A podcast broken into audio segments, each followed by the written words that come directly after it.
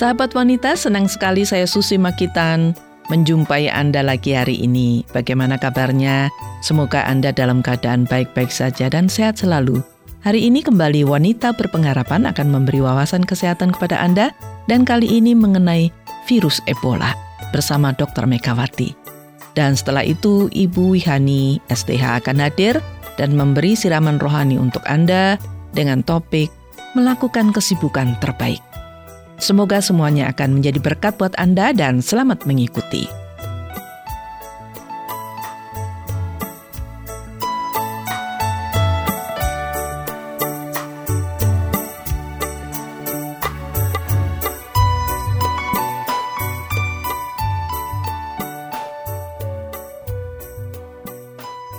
Saudara, apakah Anda pernah mendengar virus Ebola? Virus ini telah menewaskan ribuan orang di negara Afrika Barat. Dan kita tahu pada waktu yang lalu ada tiga tenaga kerja Indonesia yang baru pulang dari Liberia. Mereka dicurigai terserang virus ini, tetapi untungnya tidak. Jadi belum ada orang Indonesia yang terkena virus Ebola. Tetapi tidak ada salahnya kita mengenal Ebola agar kita juga bisa hati-hati dan waspada terhadap virus yang mematikan ini. Nah, sebenarnya virus Ebola itu seperti apa? Dari mana asalnya, dan bagaimana kita bisa mencegah diri kita sendiri terjangkit virus ini. Kita akan tanyakan kepada Dr. Megawati yang kebetulan sudah ada di studio. Dan apa kabar dok hari ini? Kabarnya baik-baik saja dan sehat. Bebas dari virus apa saja ya dok ya? Ya. nah dok kalau kita mendengar berita banyak orang meninggal gara-gara virus Ebola, tentu kita takut ya. Sebenarnya virus Ebola itu berasal dari daerah mana? Dikatakan Indonesia kan belum. Ini iya. dari mana ini dok? Ditemukan di Sudan dan Kongo, Afrika. Oh, di Afrika ya, Sudan dan Kongo ya. Nah, bagaimana virus ini bisa masuk ke tubuh manusia? Jadi pada awalnya itu Bu Susi ya, mm -hmm. virus Ebola ini hidup di dalam tubuh kelelawar pemakan buah. Oh, di kelelawar atau codot, ya. gitu ya. Oh, nah, iya, iya, iya. dia menyebarkan ke hewan lain. Mm -mm. Nah, setelah itu menjangkiti manusia melalui darah saat misalnya ini ya, para pemburu itu memburu hewan. Mm -mm. Hewan itu terkontaminasi dengan virus, virus Ebola. Ya. Pemburu itu kan biasa terus kalau bahasa Jawanya itu bedeti ya. Mm -mm. Jadi dibuka, oh, dibuka dibersihkan, dibersihkan gitu hewannya. Nah, pada oh. waktu itu ada kontak langsung dengan darah atau cairan tubuh penderita. Mm-mm. Nah, pada waktu itu jadi terjangkit. Terjangkit Virus itu orang bisa itu masuk ya. ke tubuh manusia. Mm, jadi gitu. dari awalnya itu di sana itu hidupnya di kelelawar. Mm-mm. Kelelawar itu dia makan buah, makan buah, dia binatang juga lain tertular, tertular. gitu ya. Uh-uh. Nah, binatang lain itu menularkan pada manusia. Manusia gitu. Mm-mm, dengan kontak langsung. Kontak langsung ini ya, Dok ya. Mm-mm.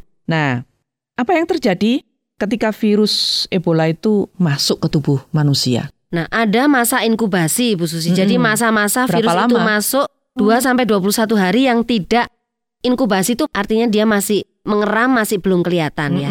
Gejala Setelah awalnya itu, itu demam, Mm-mm. sakit kepala, Mm. merasa sangat lemas, nyeri pada otot dan sendi, sakit tenggorokan. Mm-mm. Jadi sebenarnya tanda-tandanya hampir sama dengan sakit flu biasa.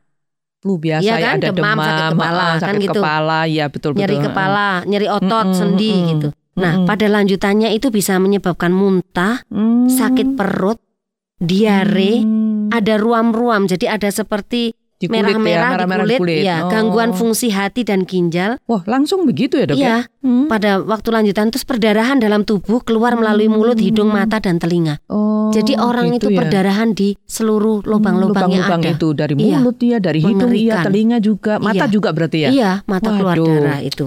Seperti itu ya, Dok ya. Itu gejala lanjutannya. Mm-mm. Awalnya ya nggak nggak ketahuan ya Cuma seperti demam orang biasa flu saja. gitu iya. ya. Kemudian sakit kepala, tapi lanjutannya seperti itu ya. Iya.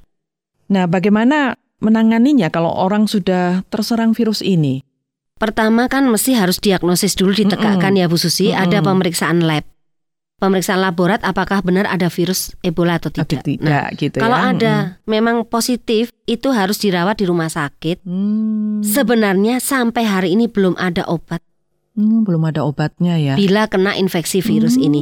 Hanya pada waktu dia dirawat, Mm-mm. perawatan itu bertujuan untuk mendukung kekebalan tubuh pasien dalam melawan Hmm. virus supaya nantinya Bu Susi dia bisa mengalahkan virus ini. Oh, Ya. jadi Jadi dia misalnya gini, dia demam. ya. Dia demam, sakit Mm-mm. kepala, ya dikasih obat untuk menghilangkan demam, Demamnya, sakit kepala. kepalanya, gitu. Lemas diinfus. Infus. Tapi Oh. asli obat untuk menghilangkan Orang virus ini tidak nggak ada. Jadi untuk mengusir virus ini dari tubuh nggak Tidak ada ya. Adanya ya itu Mm-mm. cuma membantu orang ini akhirnya pulih sendiri. Mengapa banyak orang meninggal karena virus ini? itu Karena- apa yang terjadi? Iya, karena pada masa fase lanjutan itu Oh, yang ada sampai gangguan itu fungsi tadi ya. hati dan perdarahan dalam Iya, tubuh. pendarahan fungsi hatinya juga akhirnya tidak bisa ya. Perdarahan seluruh tubuh, Seluruh tubuh, mata, itu, telinga, hidung semua mengeluarkan darah. Itu yang menyebabkan orang meninggal Iya. ya, ya. Hmm. Ini ada vaksin nggak dok untuk virus ini? Tidak ada, Bu Nggak ada ya? Tidak ada. Waduh, ini ya kasihan ya orang-orang yang di Afrika itu ya makanya sampai ribuan ya dok ya. Mm-mm. Nah bagaimana sekarang kita misalnya dokter pingin ke Afrika, saya Mm-mm. juga pengen gitu untuk mencegah supaya jangan terserang virus ini bagaimana? Yang penting kita tahu cara penyebarannya nih Bu Susi. Mm-mm, yang tadi kontak Cara langsung penyebaran ya. itu kan kontak langsung. Mm-mm, mm-mm. Dan artinya pula Bu Susi bahwa Mm-mm. kontak langsung itu harus kita tuh juga harus luka. Misalnya ini ya, air liurnya penderita, tangan kita terluka. Nah, itu Mm-mm, baru bisa. Baru bisa. Kalau kita tidak terluka, Nggak air bisa liur ya. tidak bisa. Kan Mm-mm, berarti harus edukasi yang Mm-mm, pertama, mm-mm. edukasi kepada semua orang. Mm-mm. Hindari hubungan seks Heeh, yang dengan gitu ya. orang yang seperti itu, Mm-mm. cuci tangan sebelum makan. Ya, Hmm. kalau bepergian, bepergian jauh ke daerah ada virus Ebola ya lebih ke baik hutan-hutan tadi gitu. ya lebih baik misalnya. nggak usah dulu Nggak usah lah. dulu. Tapi Iya. hutannya bagus gimana Nah, ya kalau kita bisa mau cari hutan? tempat lain. Sudah Gitu ya, Dok, hindari ya? saja Mm-mm. ya. Terus pakaian, spray, Mm-mm. jarum suntik bekas penderita itu harus di Hmm, gitu harus dibuang, harus, harus dibuang ya. dibakar. Mm-mm. Jadi memastikan itu jarum suntiknya baru gitu kalau kita misalnya Mau mau suntik. suntik gitu. Iya. heeh. Terus kalau untuk keluarga, Mm-mm. untuk petugas medik, Mm-mm. perawat gitu ini harus merawat orang Ebola ataupun melakukan segala sesuatu tuh dengan memakai sarung Sarung tangan, tangan, terus penutup hidung dan Hidung. mulut ya. untuk menghindari kontak langsung Kontak ini. langsung itu. Jadi oh gitu ya. dan Mm-mm. terutama begini Bu Susi, virus Ebola ini dapat menular pada orang yang memandikan jenazah. Oh, di dalam jenazah masih Ma- ada virusnya. itu masih memandikan hidup ya? jenazah orang yang kena virus Ebola ini, ya. virus ini dia dapat bertahan di luar tubuhnya Hmm. selama beberapa hari pada kulit pasien. Jadi pada kulitnya dia bisa tahan beberapa hari masian walaupun dia meninggal. Mm-mm. Jadi pada waktu merawat jenazah pun harus pakai sarung tangan dan hati-hati. Baik dok, terima kasih banyak untuk wawasannya mengenai virus yang mematikan ini.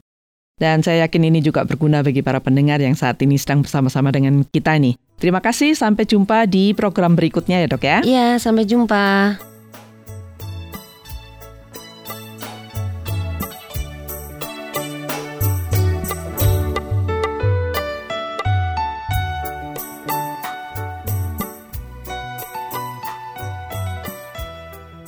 Sahabat wanita yang saya kasih, semoga perbincangan mengenai virus Ebola tadi bermanfaat bagi Anda dan keluarga. Dan tetaplah bersama Wanita Berpengharapan karena sesaat lagi Ibu Wihani STH akan hadir untuk Anda. Namun sebelum itu, mari kita mendengarkan sebuah lagu pujian berikut ini. Semoga Anda terhibur.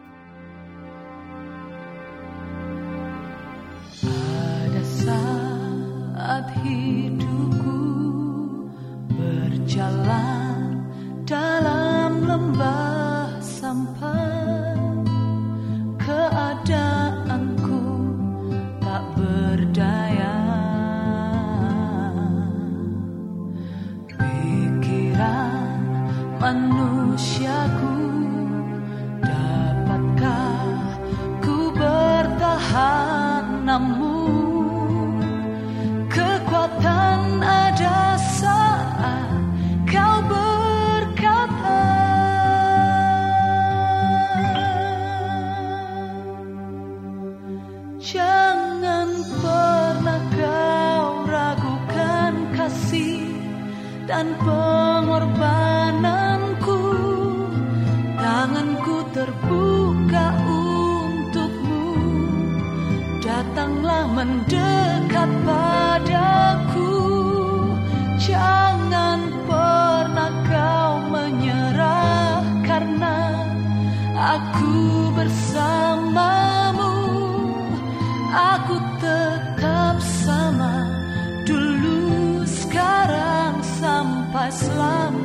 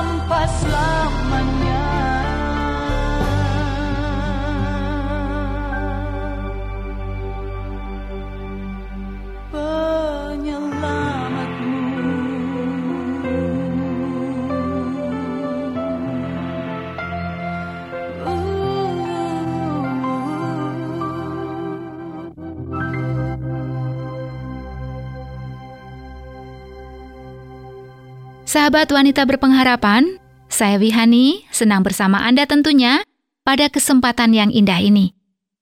Saya yakin pengetahuan tentang kesehatan jasmani, khususnya tentang virus Ebola yang dibawakan oleh Ibu Susi dan Dr. Megawati tadi, sangat bermanfaat bagi kita semua.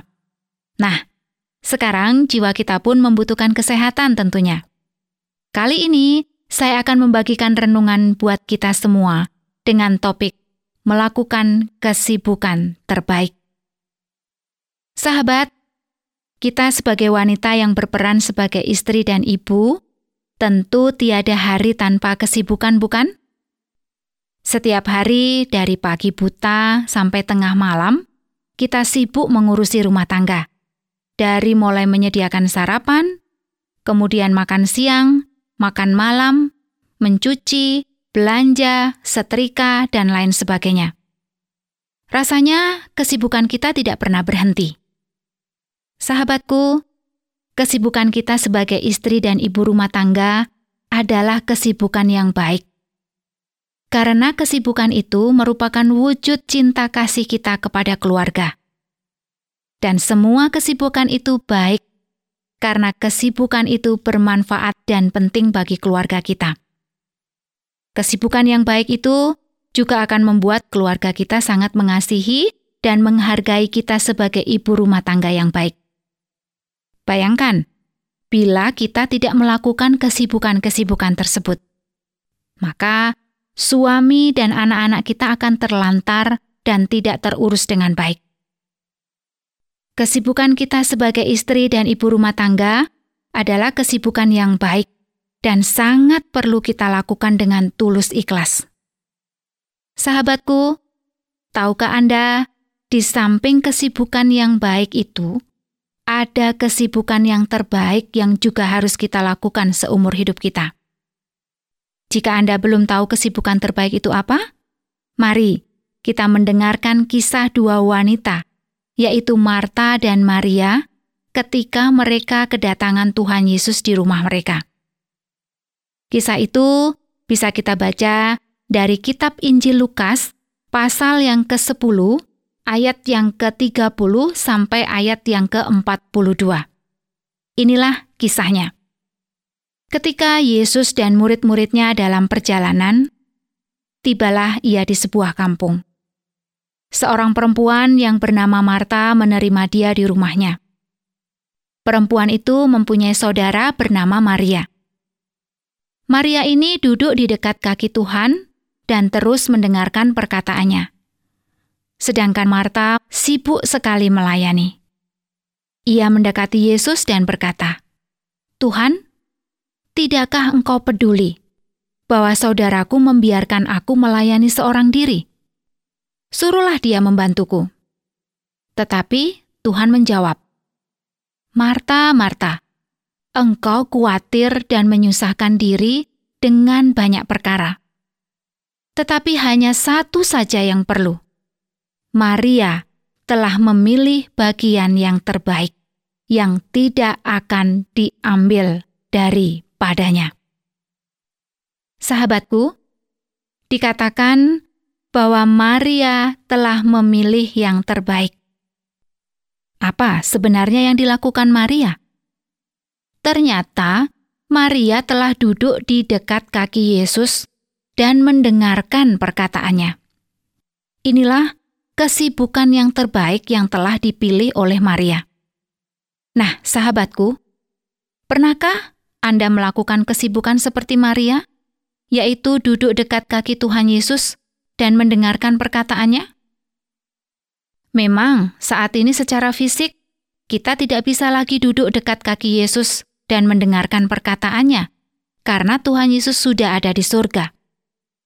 Kita tidak bisa lagi mendengar perkataan Yesus secara langsung, seperti yang dialami Maria, karena Tuhan Yesus sudah berada di surga bersama dengan Bapaknya tetapi kita bisa mendengar perkataannya melalui Alkitab.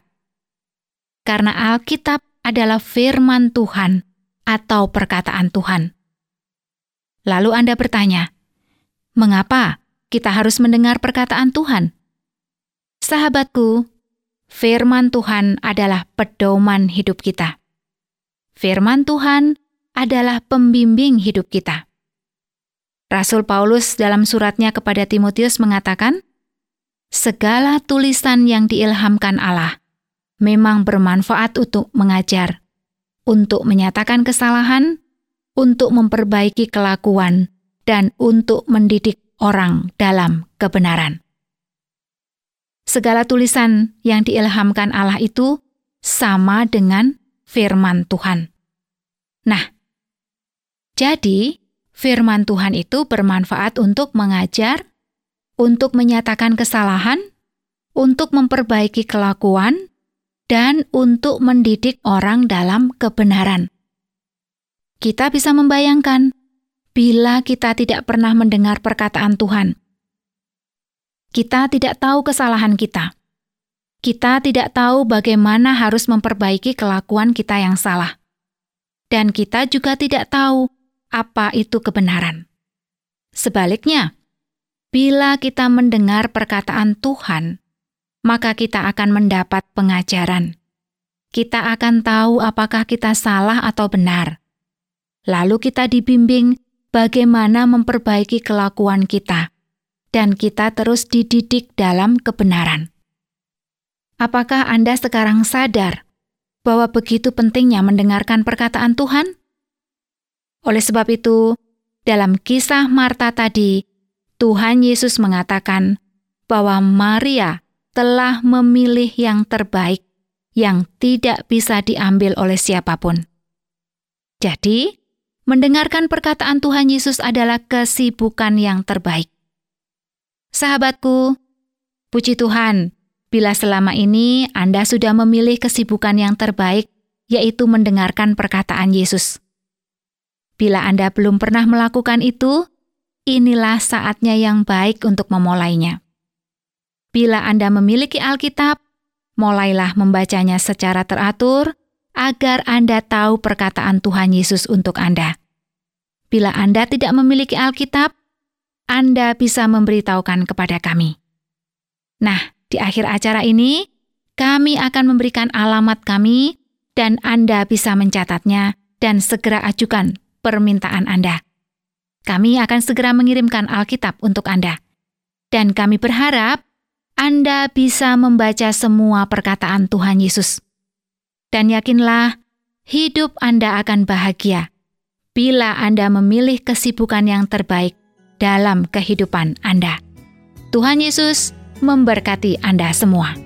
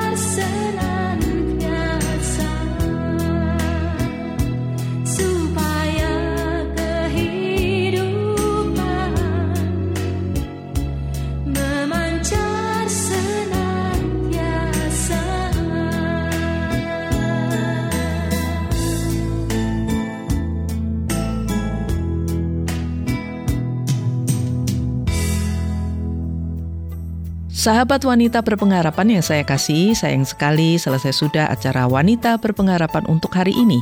Semoga seluruh sajian kami hari ini bermanfaat buat Anda dan juga buat keluarga Anda.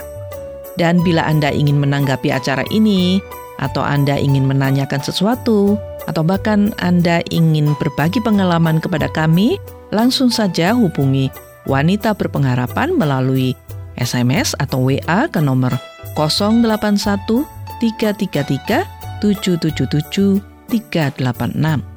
Saya ulangi nomornya 081 333 777 386. Dan akhirnya saya Susi Makitan mohon pamit dan sampai jumpa.